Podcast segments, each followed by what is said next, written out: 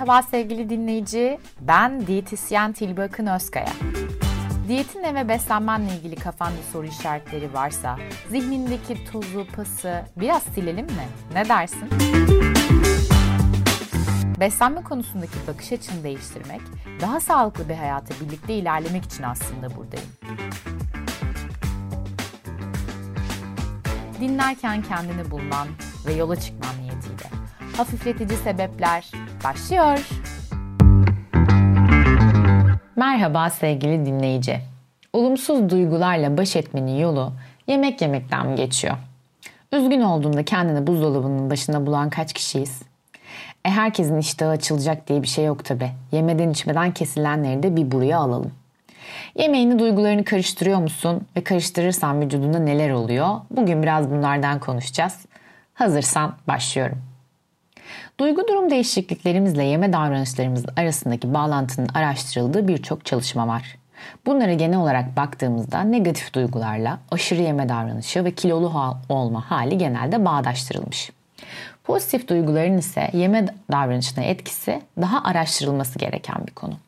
Birçok danışanımla görüşmelerimizde en ufak bir stres anında kendilerini yemek yerken bulduklarını konuşur olduk. Veya diyete uyum sağlayamamalarının sebepleri arasında hayatlarındaki stres kaynaklarını sayanların oranı çok fazla. E çünkü biliyorsun ki pandemiyle beraber hayatımızda bizi yoran bir sürü stres faktörüyle yaşamaya çalışıyoruz. Bunca olayla boğuşurken bir de danışan antidepresan kullanıyorsa kilo alma sebebini ilaca da bağlayabiliyor. Seneler önce çalıştığım hastanede psikiyatri uzmanımızla antidepresanların kilo üzerine etkilerini konuştuğumuz bir sohbetimiz olmuştu. Çünkü o zamanlarda danışanların benzer şikayetlerle bana geliyorlardı. Doktor bey bana dedi ki Tilbecim aslında antidepresanlar kişinin duygu durumunu stabilleştirir, düzenler. Kişi eğer stabil duygu durumunda daha çok yemek yeme davranışı geliştiriyorsa kilo alır. Eğer duygu durumu dengedeyken iştahı da dengeli gidiyorsa o kişi kilo verebilir. Yani her şeyde olduğu gibi bu durumda bir hayli kişisel bir şey. Duygusal yeme davranışı geliştirmene sebep olan olumsuz durumların kaynağı senin yaşadığın stres aslında. Kilolu her 4 kişiden birinin 10 puanlık stres skalasında 8 ve üstü seviyede strese sahip olduğunu biliyor muydun? Peki bazılarımızı antidepresan kullanacak noktaya getiren olumsuz duygularımızın kaynağı hayatımızdaki stres faktörü ise ve sürekli vücudumuza bu stresi yaşatıyorsak ne olacak? En temeline bakacak olursak kısa dönemli bir stres anında insanoğlunun kendini strese sürükleyen bir durum karşısında verdiği fizyolojik yanıtlar neredeyse aynı. Ne oluyor bu stres anında? Böbrek üstü bezlerinden adrenalin, noradrenalin, kortizol gibi hormonlar salgılanıyor. Kalp atımızın artıyor, solunum sayısı artıyor, göz bebeklerin büyüyor, vücut ısı normale dönsün diye terlemeye başlıyorsun. Vücudundaki kan çoğunlukla kaslarına pompalanıyor ve böylece kaçmaya hazır hale geliyorsun. Şimdi ilk anda bu sistem senin doğrudan yemek yeme eylemine geçmeni engelliyor. Çünkü kaçman lazım. Sonrasında kaçamayacağı başka bir tür stres yaşadığını fark eden vücudun kortizol salgılamaya devam ediyor. Yükselen kortizolün yağ ve şeker metabolizmasını devreye sokuyor. Kan şekerin artıyor, insülin seviyelerin yükseliyor, yağlanma tetikleniyor ve kilo alıyorsun. Senin vücuduna yaşattığın akut yani kısa dönemli stresin kronik yani sürekli tekrar eder hale döndüğünde vücuduna zarar vermeye başlıyorsun. Ne oluyor? Kilo alıyorsun, sindirim sorunları yaşıyorsun, kalp hastalıklarına yatkınlığın artıyor, uyku problemleri yaşıyorsun, hafıza ve konsantrasyon kaybı yaşayabiliyorsun. Stresli olduğun zaman sadece yemek yeme davranışın değişmez. Uyku düzenin, hobilerin, alkol, sigara gibi ürünlerin tüketimi de artabilir. Hatta bazı çalışmalarda kadınların stresli olduklarında daha çok yemek yemeyi tercih ettikleri, erkeklerin ise yemekten ziyade alkol ve sigaraya daha çok yönlendikleri görülmüş. Yani aslında burada cinsiyet farkı da var. Daha önceki podcastlerimde şekerin bazı beyindeki haz merkezlerini uyardığından bahsetmiştim.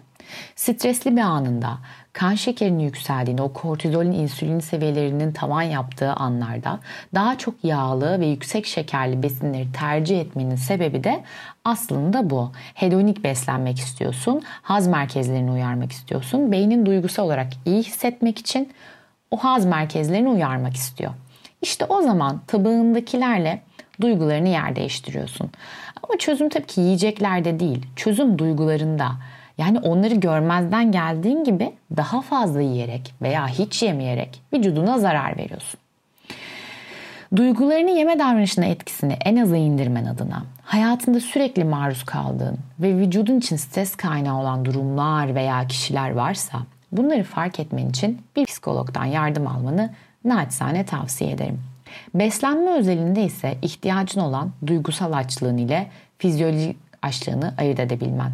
Bunun için yeni kavramlar, terapiler mevcut. Bunlardan biri sezgisel yeme. Masaya oturduğunda iyi besin, kötü besin, kalorili, kalorisiz gibi etiketleri bir kenara bırakıp sağlıklı veya daha sağlıklı kavramlarına odaklanman bu durumda sana bir fayda sağlayabilir.